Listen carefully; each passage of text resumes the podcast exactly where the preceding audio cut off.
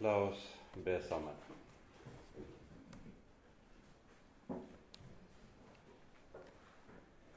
Kjære gode Herre og Hellige Far. Vi takker og lover deg for all din nåde imot oss. Vi takker og lover deg, Herre, at du er den samme i går og i dag og til evig tid, og at du ikke er en Gud som forandrer deg men like som du var nådig mot ditt folk fordum, lar du din nåde være ny på samme vis også mot oss. Så ber vi Hellige Herre at du vil sende din gode Hellige Ånd, at du vil være hos oss og åpenbare ordet ditt, at vi må kjenne deg rett. Amen. Sist gang var vi altså sammen om uh, det vi hører om uh, påskelammet i kapittel 12 og 13 i Annen Mosebok, som uh, det avgjørende ved selve utgangen. Der lammets blod var, der ringer frihetens klokker. Der lammets blod ikke var på dørkarmene, der rammer dommen de som sitter i husene. Enten det er farao som den mektigste, eller det er den ringeste trell. Overalt der blodet ikke er, så rammer Guds dom. I dag kommer vi til eh, det som berettes om overgangen over Det røde hav. Og det er slik, og det skal vi kanskje peke på innledningsvis at med disse to avsnittene som vi har for oss forrige gang og i dag, så pekes det på to helt sentrale og avgjørende sider ved forløsningen som forbilde på den frelse og den forløsning som vi får del i ved Herren Jesus i Det nye testamentet. Det første er lammet. Jesus kalles Guds lam som bærer verdens synd. Og uh, uh, det vi hører om påskelammet, det utgjør en veldig viktig uh, forbilde og bakteppe for talen om Jesus som Guds lam i Det nye testamentet. Det hører jo også en del andre saker fra Det gamle testamentet med til det. Ikke minst det som berettes om ofrene i tempelet. Eh, men saken er i denne sammenheng at lammet som stedfortredende gir livet for folket, og lammets blod, det er da forbildet for forløsningen som Guds sønn bringer. Annet, den annen side ved frelsen er det vi får malt for våre øyne i det som er dagens avsnitt, i forbindelse med utgangen av eller overgangen over Det røde hav. I uh, Matteusevangeliets 19. kapittel så hører vi fortellingen om den unge, rike mann. Og der uh, uh, sier Jesus, etter at han har forlatt ham at hvor vanskelig er det ikke for en rik å komme inn i Guds rike. Det er lettere for en kamel å gå gjennom et nåløye enn for en rik å gå inn i Guds rike. Og så blir disiplene meget forferdet over Jesu ord, hvorpå han sier for mennesker er det umulig, men ikke for Gud, for alt er mulig for Gud. Og nettopp dette som eh, Jesus her understreker, det er det som også sies oss og fortelles oss i eh, beretningen om overgangen over Det røde hav. Her er det tale om nettopp det som er umulig for mennesker, som bare Han som er den levende Gud, kan gjøre. Og vi skal se nærmere på dette. Vi begynner med å lese fra slutten av kapittel 13, eh, vers 17, og ut kapittelet.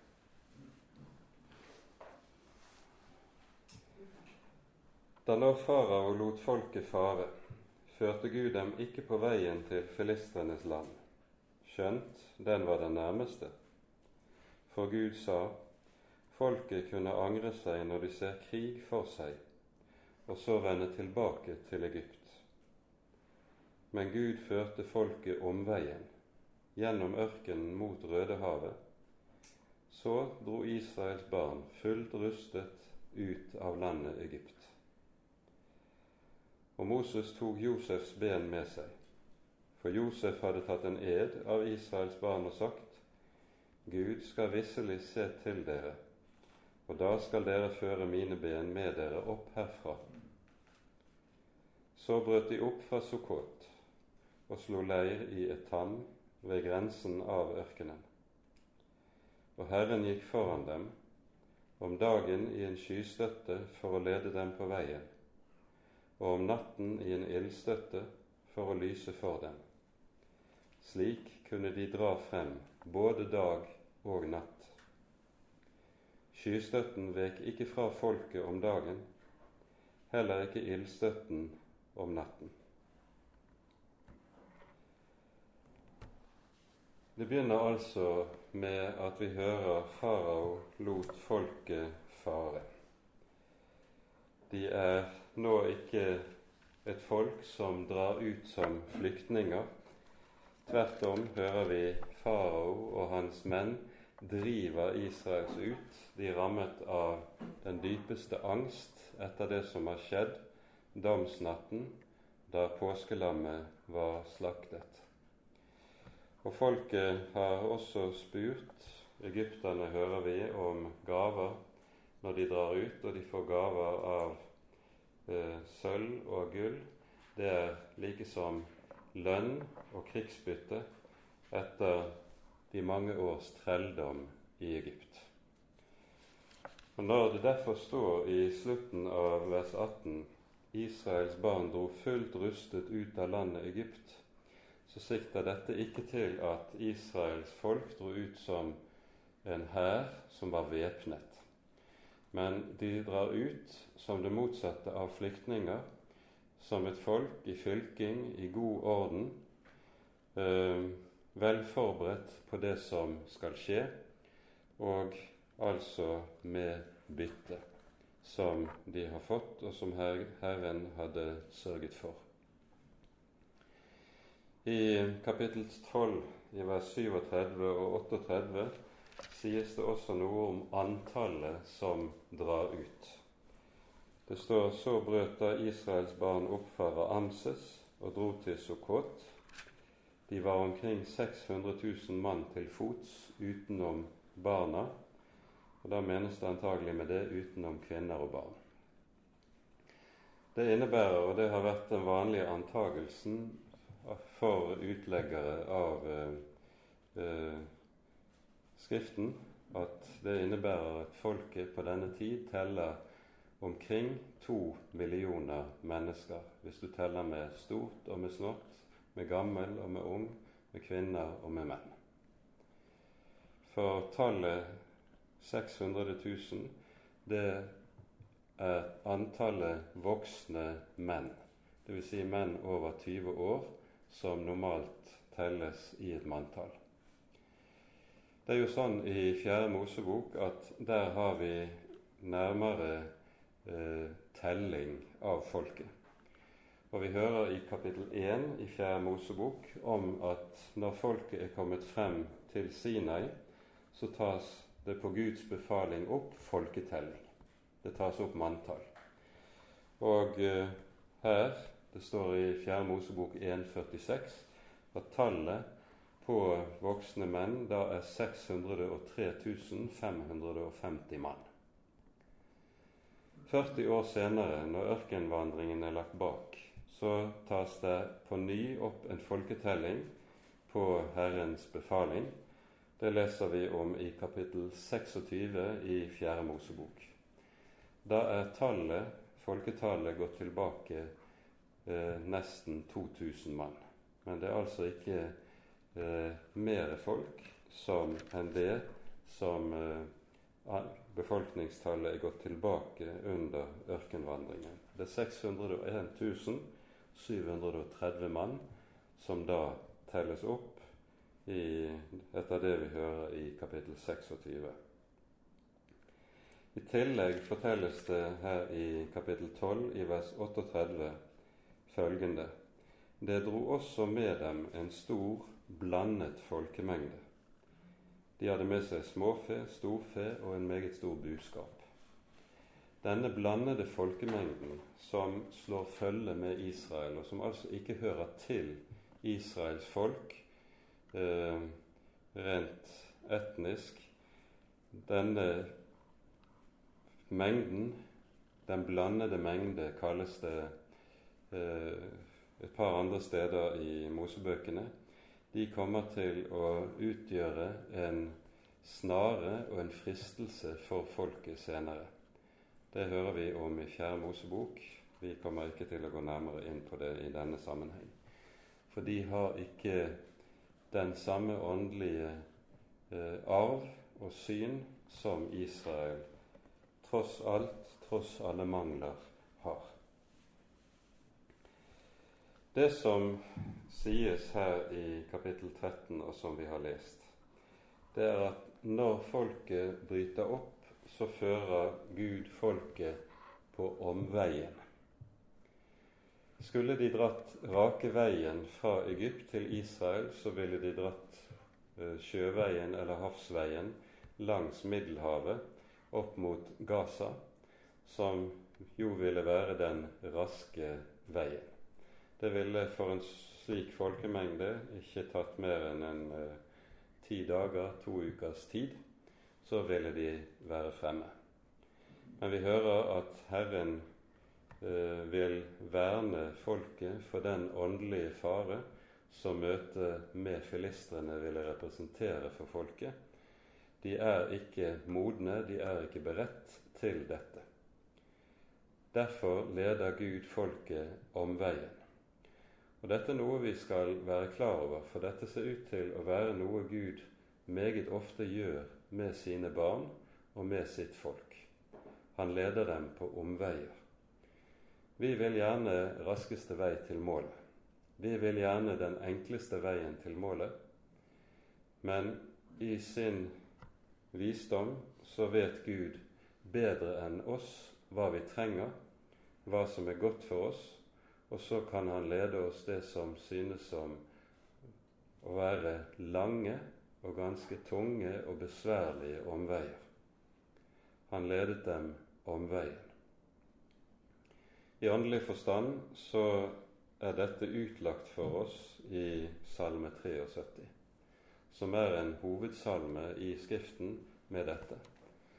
Her undrer salmisten Asaf seg over hvorfor Herren leder livet på den måten som han gjør det. De ugudelige har det godt og lykkes og har medgang på alle sine veier, ser det ut for ham mens han og Guds barn motsatt, de må oppleve nød, trengsel, motgang og vansker. Hvorfor er det slik? Dette er tema for Salme 73. Og så er det etter hvert så vanskelig for han at dette blir en tung anfektelse, hører vi, inntil han gikk inn i Guds helligdommer og ga akt på Guds førelse. Og så er det at han kan si etter dette Du leder meg ved ditt råd, og deretter tar du meg opp i herlighet. Han leder meg altså ikke etter mitt råd, etter hva mitt øye ser, hva min forstand mener er best, hva mitt følelsesliv måtte fortelle meg må være det rette. Han leder meg ved sitt råd. Vi hører i Jesaja-bokens 38. kapittel om hvorledes kong Hiskia har vært ført gjennom alvorlig sykdom. Han var dødssyk, og i sin eh, sykdom er han full av angst for døden som ligger foran. Han roper på Herren, og Herren legger 15 år til hans liv. Og Så hører vi i kapittel 38 hos Jesaja eh, kongens takkebønn, som er en av de vakreste takkebønnene vi finner i Skriften. Og i denne sier Hiskia bl.a.: Til fred ble meg det bitre. Ja, det bitre. Kjærlig dro du meg opp av fordervelsens grav, for du kastet all min synd bak din rygg.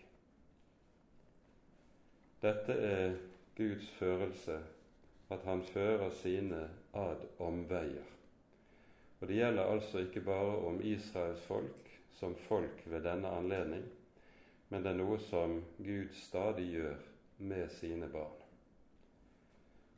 Så synes vi det er vanskelig å forstå når han fører, oss ut i ødemarken, hvor vi mangler både det ene og det annet som vi synes at vi trenger. Men det er hans råd. Han fører oss ved sitt råd, for han vet hva hans barn trenger. Så sies det da også uttrykkelig i denne sammenhengen at det er Herren selv som leder dem. Han gikk foran dem, står det, om dagen i en skystøtte og natten i en ildstøtte for å lyse for dem, så de kunne dra frem både natt og dag, både i lys og i mørke. Det at det sies at Herren går foran dem, her anvendes det et uttrykk i grunnteksten som ellers i Bibelen brukes om hyrden. Hyrden, slik han tegnes for oss i Bibelen, han er ikke en som går bak fårene og jager dem foran seg, men han er alltid en som går foran og kaller på dem. Han går foran dem, og så sies det fårene følger ham fordi de kjenner hyrdens røst, og så følger de ham. Dette er den gode hyrde som leder sine på veiene. Og så er det vi hører om hvorledes Gud leder dem. Han leder dem inn i en situasjon som er absolutt umulig. Men før vi går dit og ser nærmere på det, så vil vi peke på at det vi her hører om skystøtten, det er altså noe som berettes om Israel eh, som gjelder under hele ørkenvandringen. Når tabernaklet reises, så er det slik at skystøtten hviler over tabernaklet. Og Israel ledes i ødemarken på den måten at når skystøtten stanser, så reiser folket tabernaklet, og støtten blir stående over det aller helligste i tabernaklet så lenge de skal bli på stedet. Og så løfter skystøtten seg når folket skal videre, og Herren vil lede dem videre på vandringen. Skystøtten er selve symbolet på Herrens nærvær. Og skystøtten kalles ved flere anledninger, i, ikke minst her i Mosebøkene, for Herrens herlighet.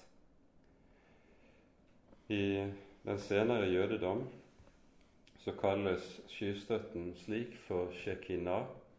Det kommer av et verb som betyr bolig, eller å bo. Og er et navn som er satt på skystøtten i tilknytning til Guds løfte i forbindelse med det aller helligste og med nådestolen. Det sies det om, i forordningene om nådestolen og kiruben over nådestolen at Herren vil bo der mellom kirubene, og han vil tale til Moses fra der mellom kirubene. Dette er det sted Herren bor midt iblant sitt folk. Når tabernaklet innvies, så sies det at da fyller skyen helligdommen, slik at Moses og prestene ikke kunne gjøre tjeneste. Det samme hører vi i første kongeboks åttende kapittel, når Sadomo har reist tempelet, og tempelet innvies i forbindelse med løvhyttefesten. Der står det at da fylte skyen helligdommen, og prestene kunne ikke gjøre tjeneste så lenge skyen fylte helligdommen. Det er Herrens synlige nærvær som kommer inn i helligdommen, og Herren kunngjør på den måten at han står ved det løftet han har gitt folket. Jeg vil bo midt iblant dere. Dere skal være mitt folk, og jeg vil være deres Gud.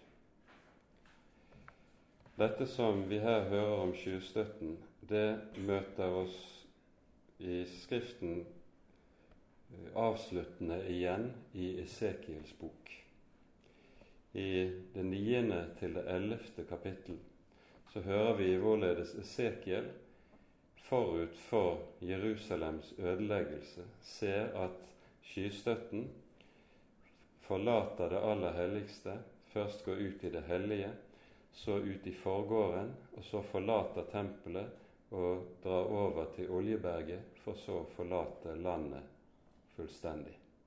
Herren er ikke lenger i sin helligdom, og så ligger alt åpent for babylonerne og babylonernes rasering av byen og av tempelet, og folket føres i landflyktighet.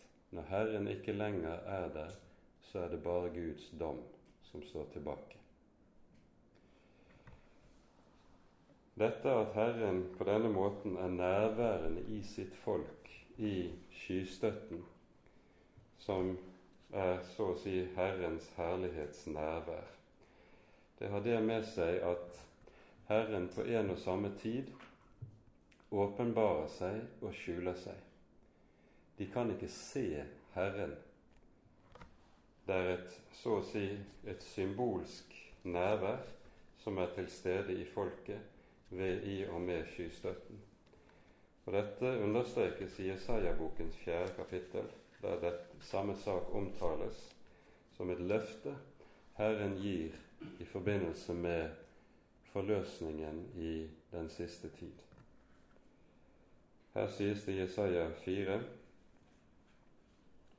eh, vers 5 følgende Over hvert sted på Sions berg og over hennes forsamlinger skal Herren skape en sky og en røk om dagen og en glans av luende ild om natten.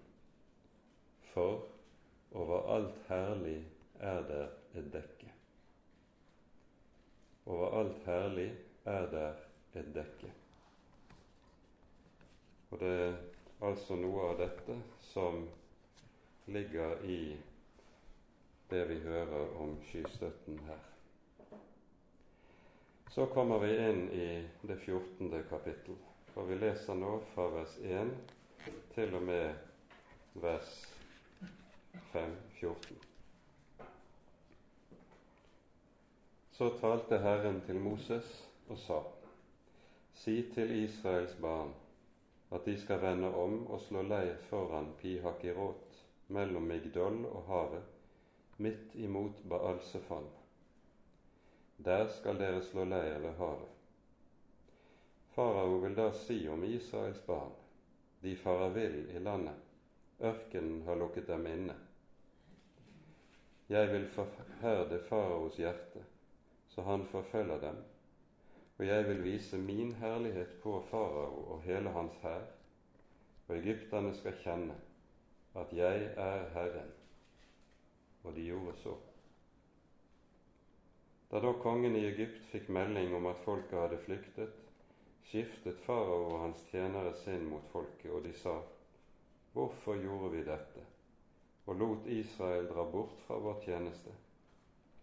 Så lot han spenne for vognen sin, og han tok sin hær med seg. Han tok 600 utvalgte vogner, og alle de andre vognene i Egypt, krigsmenn, var det på dem alle. For Herren forherdet faraos, egypterkongens hjerte så han forfulgte Israels barn. Men Israels barn dro ut med løftet hånd. Så forfulgte egypterne dem og nådde dem igjen da de lå i leir ved havet. Alle faraos vogner og hestfolk og hele hans hær ved Pihakirot foran Baalsefon. Da farao nærmet seg, så Israels barn opp og fikk øye på egypterne som kom etter dem. Da ble Israels barn grepet av stor redsel, og de ropte til Herren. Og de sa til Moses, fantes det ikke graver i Egypt siden du har ført oss hit for at vi skal dø i ørkenen? Hvorfor har du gjort dette imot oss og ført oss ut av Egypt? Var det ikke det vi sa til deg i Egypt? La oss være i fred. Vi vil tjene egypterne. Det er bedre for oss å tjene egypterne enn å dø i ørkenen. Da sa Moses til folket, frykt ikke, stå fast. Se Herrens frelse, som Han vil sende dere i dag. For slik som dere ser egypterne i dag, skal dere aldri i evighet se dem mer. Herren skal stride for dere, og dere skal være stille. Den omvei Herren fører folket, er en omvei som fører like inn i en felle, hvis man ser på det hele rent militært. Gud leder folket sydover mot Rødehavet, står det i våre oversettelser. Det står Sivhavet i eh, den hebraiske bibelen. Det er antagelig en av disse sivsjøene som etter senere er blitt gravet ut som en del av Suezkanalen, som er området der overgangen skjedde. Her står Israel med ryggen mot havet. I syd er det en liten fjellkjede som det vil være umulig for folket å forsere. Og så lukkes folket inne med faraos hær i ryggen. Det er ingen utvei, det er intet sted å slippe unna. Og så er folket satt i en felle de ikke kan komme ut av. Og Det vi da merker oss med dette, det er nettopp det at Gud fører folket inn i en situasjon som menneskelig talt er umulig. Og han gjør det med tanke på én hovedsak. De skal lære å kjenne at 'jeg er Herren'. Og Her ser vi noe som er grunnleggende viktig i Skriften. Så lenge mennesket selv er i stand til å finne vei, finne løsning, berge seg, komme ut av situasjonen med det ene eller det annet krumspring, så ser en ikke Herrens høyhet. Dette lærer Bibelen oss meget tydelig. Men der en blir stående hjelpeløs, hvor det ikke fins utvei, der Gud fører mennesket inn nettopp i det som er umulig, der gjør han det nettopp med tanke på å la folket få vite hvem han er hvem det er de har med å gjøre. Og Dette er jo, og blir jo, et grunnleggende forbilde på frelsen i Det nye testamentet, der det jo også er slik at når et menneske lever i innbilningen om at det kan gjøre eller bidra med noe til sin egen frelse, da har en ikke, enten ikke bruk for nåden, eller en er ikke i stand til å se nådens storhet og se hvem Jesus i realiteten er.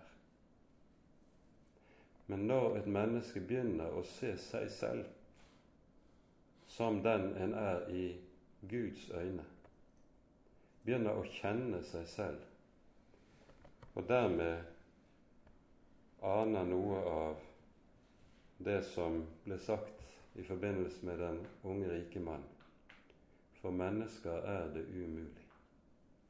hvor meget en enn strever og arbeider med seg selv og på seg selv, det er umulig å komme dit og bli slik som Gud krever, og som det behager Herren. Da er et menneske i nød. Og da er det at en kan begynne å ane noe om hva frelsen dreier seg om. Det er dette Paulus taler om i Romerbrevets åttende kapittel. Det som var umulig for loven fordi den var maktesløs på grunn av kjødet, det gjorde Gud. Ja, det gjorde Gud. Fordi mennesket intet kunne gjøre til eller fra. Og det er det det dreier seg om her. Det lyder fra Herren. Herren skal stride for dere, og dere skal være stille. Frelsen er Guds verk, ikke menneskers verk. Og det er det, dette som skjer her ved Det røde hav, skal innprente som selve det grunnleggende forbildet på hva frelsen hviler i og dreier seg om for alle tider som kommer etter. Herren skal stride for dere, og dere skal være stille. Men dette kan et menneske altså ikke verken se eller forstå uten at Herren fører det inn dit der det er umulig, der en sitter hjelpeløst fast. Da først begynner en å se på ramme alvor hva det dreier seg om.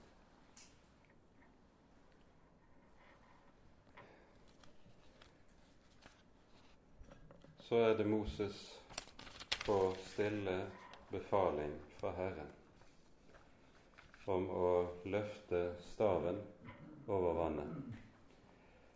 Vi leser fortsettelsen. Herren sa til Moses, Hvorfor roper du til meg? Si til Israels barn at de skal dra videre. Og du, løft nå din stav og rekk din hånd utover havet og du skal kløve det så Israels barn kan gå midt igjennom havet på tørre bunn. Men jeg vil forherde egypternes hjerte, så de setter etter dere. Og jeg vil vise min herlighet på farao og hele hans hær og på hans vogner og hestfolk. Egypterne skal kjenne at jeg er Herren, når jeg viser min herlighet på farao, på hans vogner på hans hestfolk. Guds engel som gikk foran Israels leir, flyttet seg og gikk etter dem. Skystøtten som var foran dem, flyttet seg og stilte seg bak dem. Slik kom den mellom egypternes leir og Israels leir. På den ene siden var det en sky og mørke, på den annen side lyste den opp om natten og den ene leir kom ikke inn på den annen hele natten. Da rakte Moses sin hånd ut over havet, og Herren drev havet bort med en sterk østenvind som blåste hele natten. Og han gjorde havet til tørt land, og vannet skiltes ad. Og Israels barn gikk midt igjennom havet på tørre grunn. Vannet sto som en mur på deres høyre og på deres venstre side. Da satte egypterne etter dem alle faraos hester, hans vogner og hestfolk, og de fulgte dem midt ut i havet. Men ved morgenvaktens tid så Herren fra ildstøtten og skystøtten ned på egypternes leir, og han skapte forvirring i egypternes leir. Han slo hjulene av vognene deres så det ble tungt for dem å komme frem da sa egypterne, la oss flykte for Israel. Herren strider for dem mot egypterne. Da sa Herren til Moses, rekk ut din hånd over havet, så skal vannet vende tilbake over egypterne, over deres vogner og over deres hestfolk. Så rakte Moses ut sin hånd over havet, og da morgenen brøt frem, vendte vannet tilbake til sitt leie. Egypterne flyktet rett mot vannet, og Herren drev egypterne midt ut i havet. Vannet vendte tilbake og skjulte vognene og hestfolket i hele faraos hær, som, som hadde fulgt etter dem ut i havet. Ikke én mann kom fra dem med livet. Men Israels barn gikk midt gjennom havet på tørr grunn. Vannet sto som en mur på deres høyre og på deres venstre side. Slik frelste Herren denne dagen Israel av egypternes hånd. Og Israel så egypterne ligge døde på havstranden. Da Israel så Guds mektige hånd, som han viste mot egypterne, fikk folket ærefrykt for Herren. Og de trodde på Herren og på hans tjener Moses.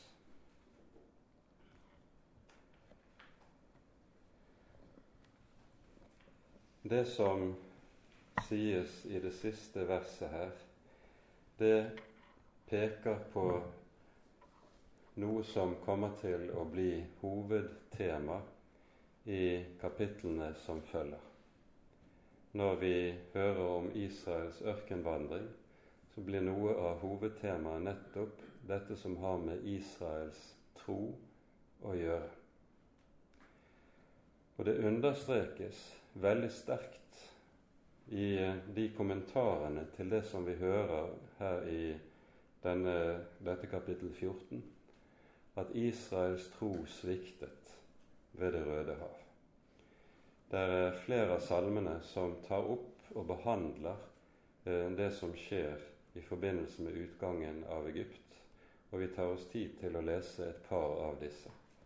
Vi slår først opp i Salme 106.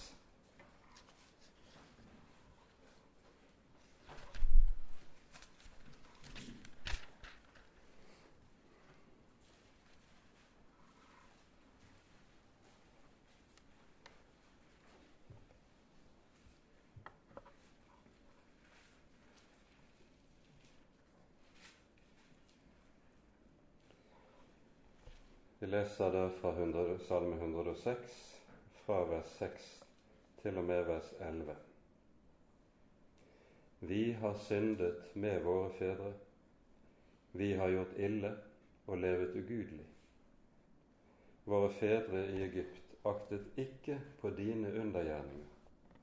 De husket ikke dine mange nådegjerninger, men var gjenstridige ved havet, ved Det røde hav men han frelste dem for sitt navns skyld, for å gjøre kjent sin veldige kraft.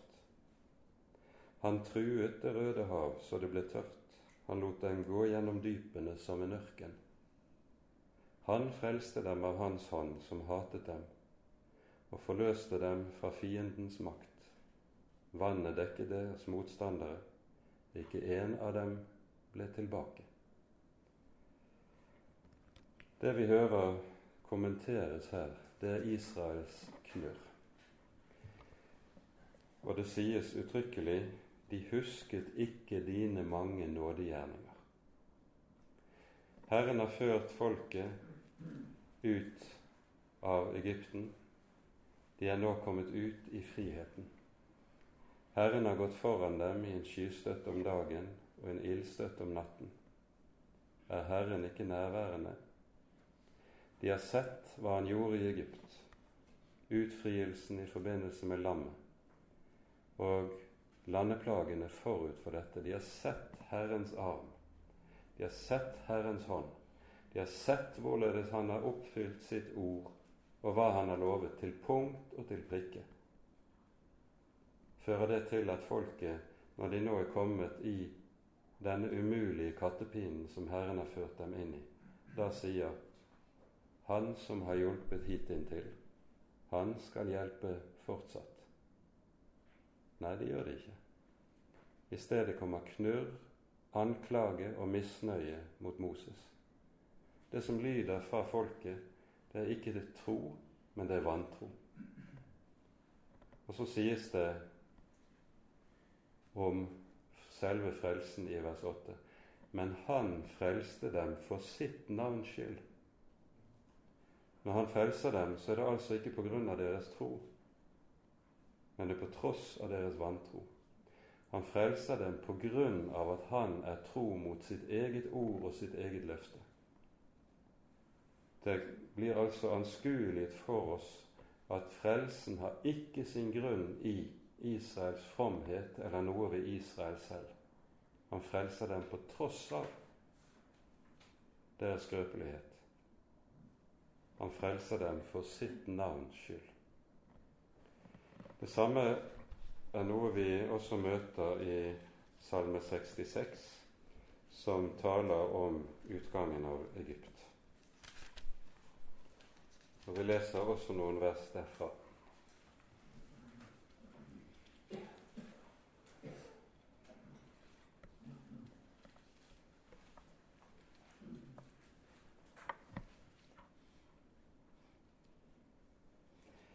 Først det innledende verset. Versene er en oppfordring til å lovprise Herren på grunn av alle hans store og hans mektige gjerninger. Og ikke minst tenkes det her på det Herren gjør i forbindelse med utgangen av Egypt. Vi leser fra vers 5. Kom og se Guds gjerninger. Forferdelige er hans gjerninger mot menneskenes barn. Han gjorde havet om til tørt land. Gjennom elven gikk de til fots. Der gledet vi oss i ham. Han hersker for evig med velde. Hans øyne gir akt på hedningene, og de gjenstridige må ikke opphøye seg. Sela.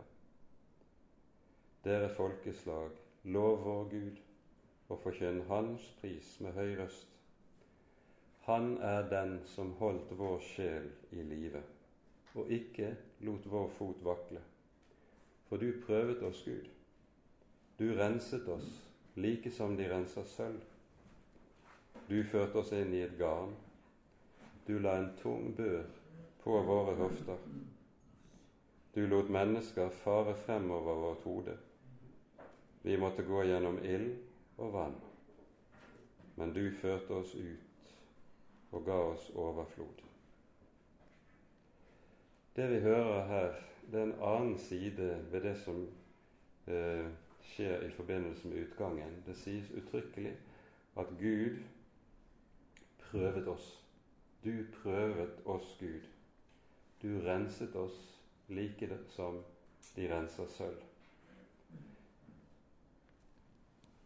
Det å føres inn i, på denne omvei, inn i denne situasjonen som er en umulig situasjon som folket står i ved Det røde hav. Det er altså fra Guds side en trosprøve. Du prøvet oss, Gud.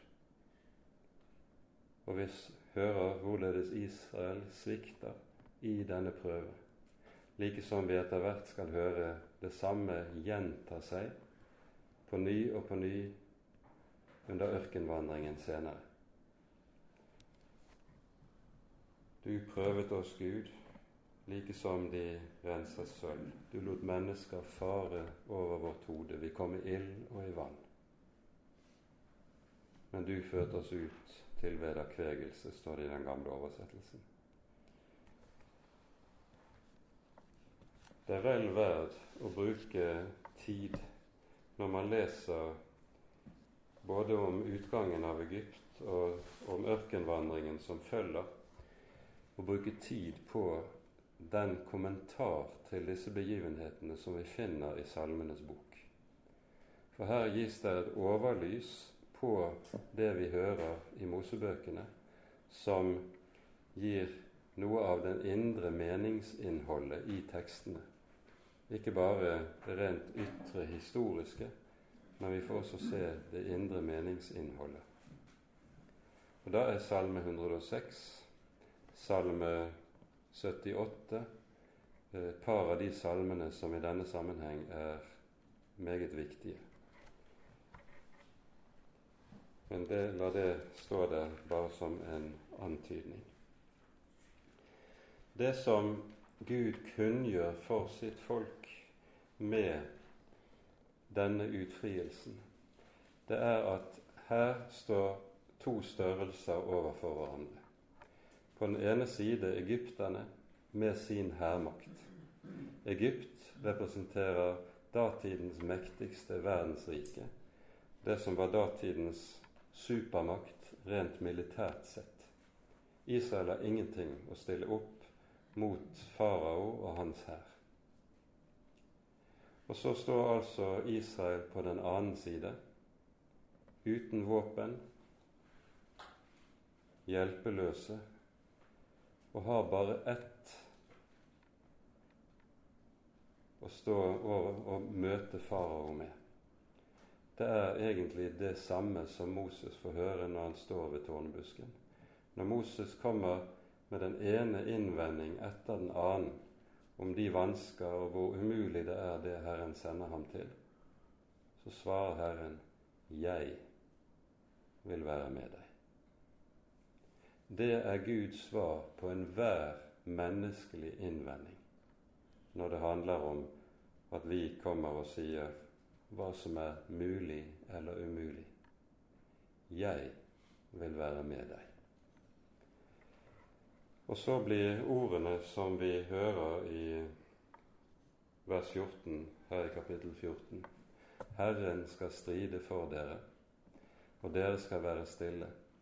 Det blir et grunnord som senere kommer til å stå og lyde videre gjennom Israels historie i alle de ulike slags nød og trengsel som folket kommer opp i. Aller sterkest kommer dette frem på Jesajas tid, da Guds folk på ny står overfor verdensriket. Nå er det det asyriske verdensriket som representerer den ødeleggende makt, og Israel har heller ikke her noe som helst å stille opp med. Folket prøver å sende ambassadører til Egypt for å inngå militær allianse med egypterne, men det kan de bare la fare. Det gir Jesaja tydelig beskjed om. Og så sier han i det 30. kapittelet i Isaiah-boken Dersom dere vender om og holder dere i ro, da skal dere frelses. I stillhet og i tillit skal deres styrke være. Og Dette sies altså uttrykkelig i møte med den samme uovervinnelige militære trussel som folket sto overfor ved Det røde hav. Og Når vi så kommer til det 31. kapittelet i Jesaja-boken, så understrekes det hva det dreier seg om. Vi leser de tre første versene i Jesaja 31 ved dem som farer ned til Egypt etter hjelp. De setter sin lit til hester og stoler på vogner fordi de er mange, og på hestfolk fordi de er tallrike. Men de vender ikke sine øyne til Israels hellige og søker ikke Herren. Men også han er vis. Han lar ulykken komme, og sine ord tar han ikke tilbake. Han reiser seg mot de ondes hus og mot deres hjelp som gjør urett. Egypterne er mennesker og ikke Gud. Deres hester er kjøtt og ikke ånd, og derfor har de intet å stille opp mot den levende Gud. Og Her ser vi hvordan Bibelen stiller disse to saker overfor hverandre. Egypterne er mennesker og ikke Gud. Deres hester, altså deres militære makt, er kjøtt og ikke ånd. De kan intet gjøre mot Han som er den allmektige. I Salmenes bok går dette igjen på ny og på ny i, på ulike måter, der Israel skal øves i å sette sin lit til Herren og ikke til ytre midler og makt. Det sies for øvrig uttrykkelig senere i 5. Mosebok når det gis lover for kongen, kongen, som vi hører i 5. Mosebok 17. kapittel, så forbys kongen å samle seg stor militær makt. For Israels styrke skal aldri bestå i ytre makt. Israels styrke er og skal være Herren, og intet annet og intet mindre. Vi leser fra Salme 147.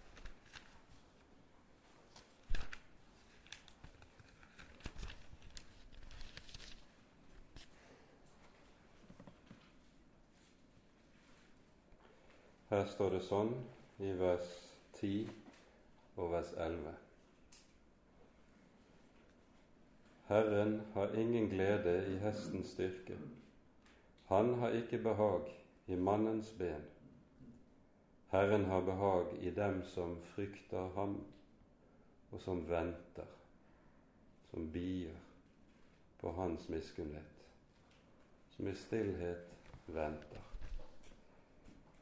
Tilsvarende kan vi lese flere andre steder i Salmenes bok. Og i Salme 20, som en salme om kong Messias, der leser vi følgende i vers 8 og vers 9. Noen priser vogner, noen hester, men vi, vi priser Herrens vår Guds navn. De synker og faller, men vi står og holder oss oppe. Poenget her i den trosprøve som Israel stilles overfor ved Det røde hav, det er at de står overfor alternativet. På den ene side den ytre makt som de kan se med sine øyne, og den makt som den levende Gud representerer, og som de ikke kan se med sine øyne. Og så må Israel sette sin lit til det som de ikke kan se, altså til et løfte som er gitt av Han som de ikke kan ta og føle på med sine hender. Det er troens prøve. Og Derfor er det også, når troen omtales i Det nye testamentet, så hører vi i Hebreabrevets 11. kapittel tro er overbevisning om ting som ikke sees. Om ting som ikke sees. Dette er jo noe som er vårt stadige problem. For vi har det med at vi stoler bare på det vi kan se og ta og føle på med våre hender. Mens det som vi ikke kan se, det regner vi ikke med, det tillegger vi ikke noen vekt eller noen betydning.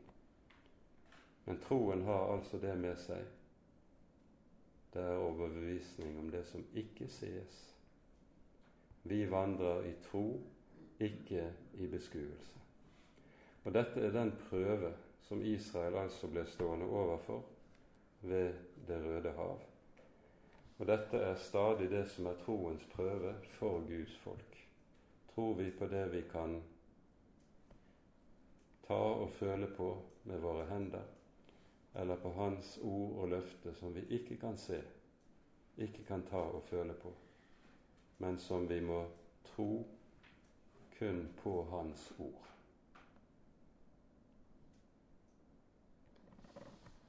Dette er noe av det som også blir hovedtema utover når vi skal inn i ørkenvandringen til Israels folk.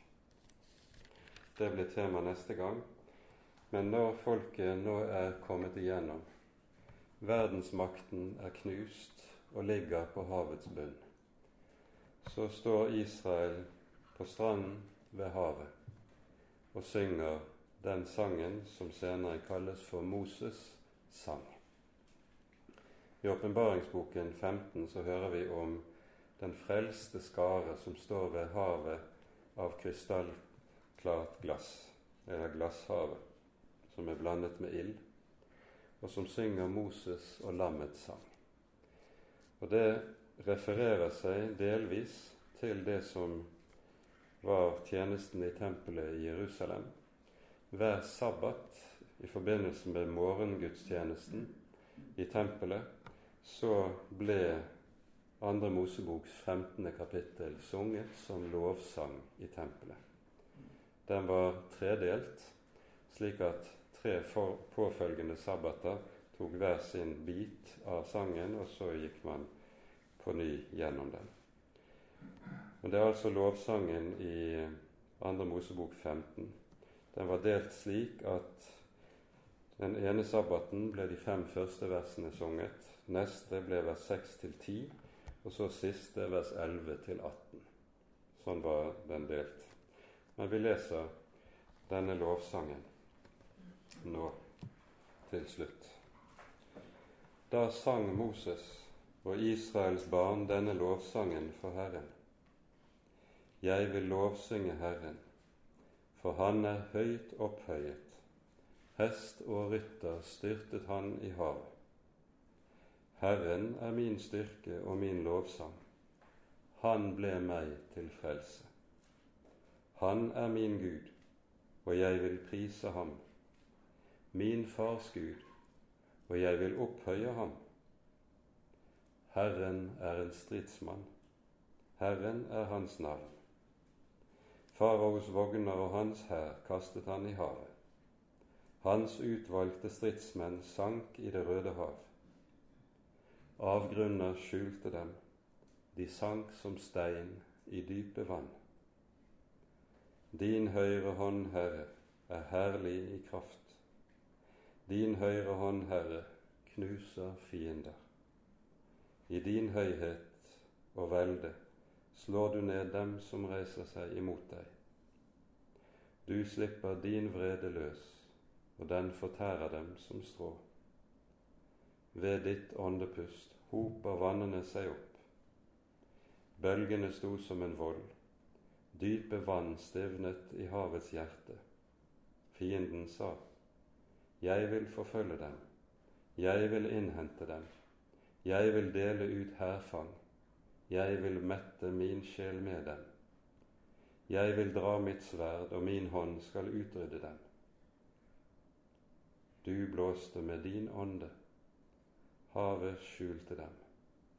De sank som bly i de veldige vann. Herre, hvem er som du blant gudene?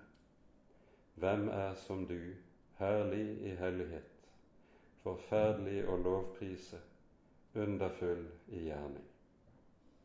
Du rakte ut din høyre hånd, jorden slukte dem. Du fører ved din miskunnhet det folk du forløste. Du leder dem ved din kraft til din hellige bolig. Folkene hører det, de skjelver. Angst griper dem som bor i filisterland. Da blir Edoms stammehøvdinger forferdet. Redsel griper Moabs høvdinger. Alle Kanans innbyggere forgår av angst. Forferdelse og redsel faller over dem. Ved din arms velde blir de stumme som stein, mens ditt folk drar frem. Herre, mens det folk drar frem som du har vunnet deg. Du vil føre dem inn og plante dem på det berg som er din arv, Herre, det sted du har skapt til bolig for deg, den helligdom, Herre, som dine hender har grunnlagt.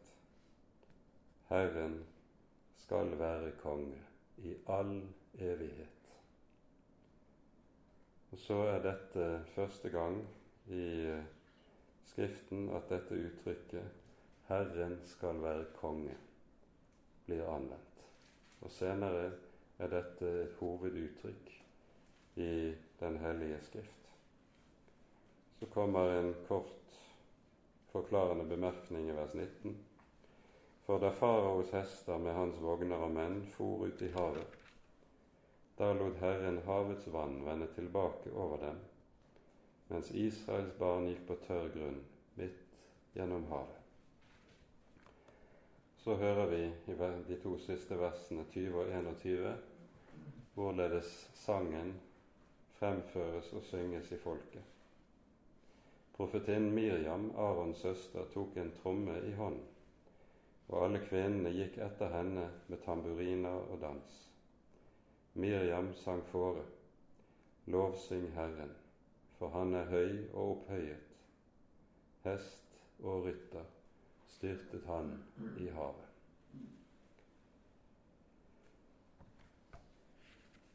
Og Så har du den vekselsang, begynnelsen på den vekselsang som vi senere ser kjennetegner sangen og tilbedelsen i tempelet, like som den kjennetegner det som foregår i himmelen, som vi hører det i åpenbaringsboken. Men det er et annet kapittel. Det som sies i vers 2 her, vi skal bare henlede oppmerksomheten på det, det gjentas i Jesaja-bokens tolvte kapittel. Det er en kort, liten salme som sies skal synges når frelsens dag kommer, når Messias har fullbyrdet sin gjerning og folkeslagene har fått del i frelsen.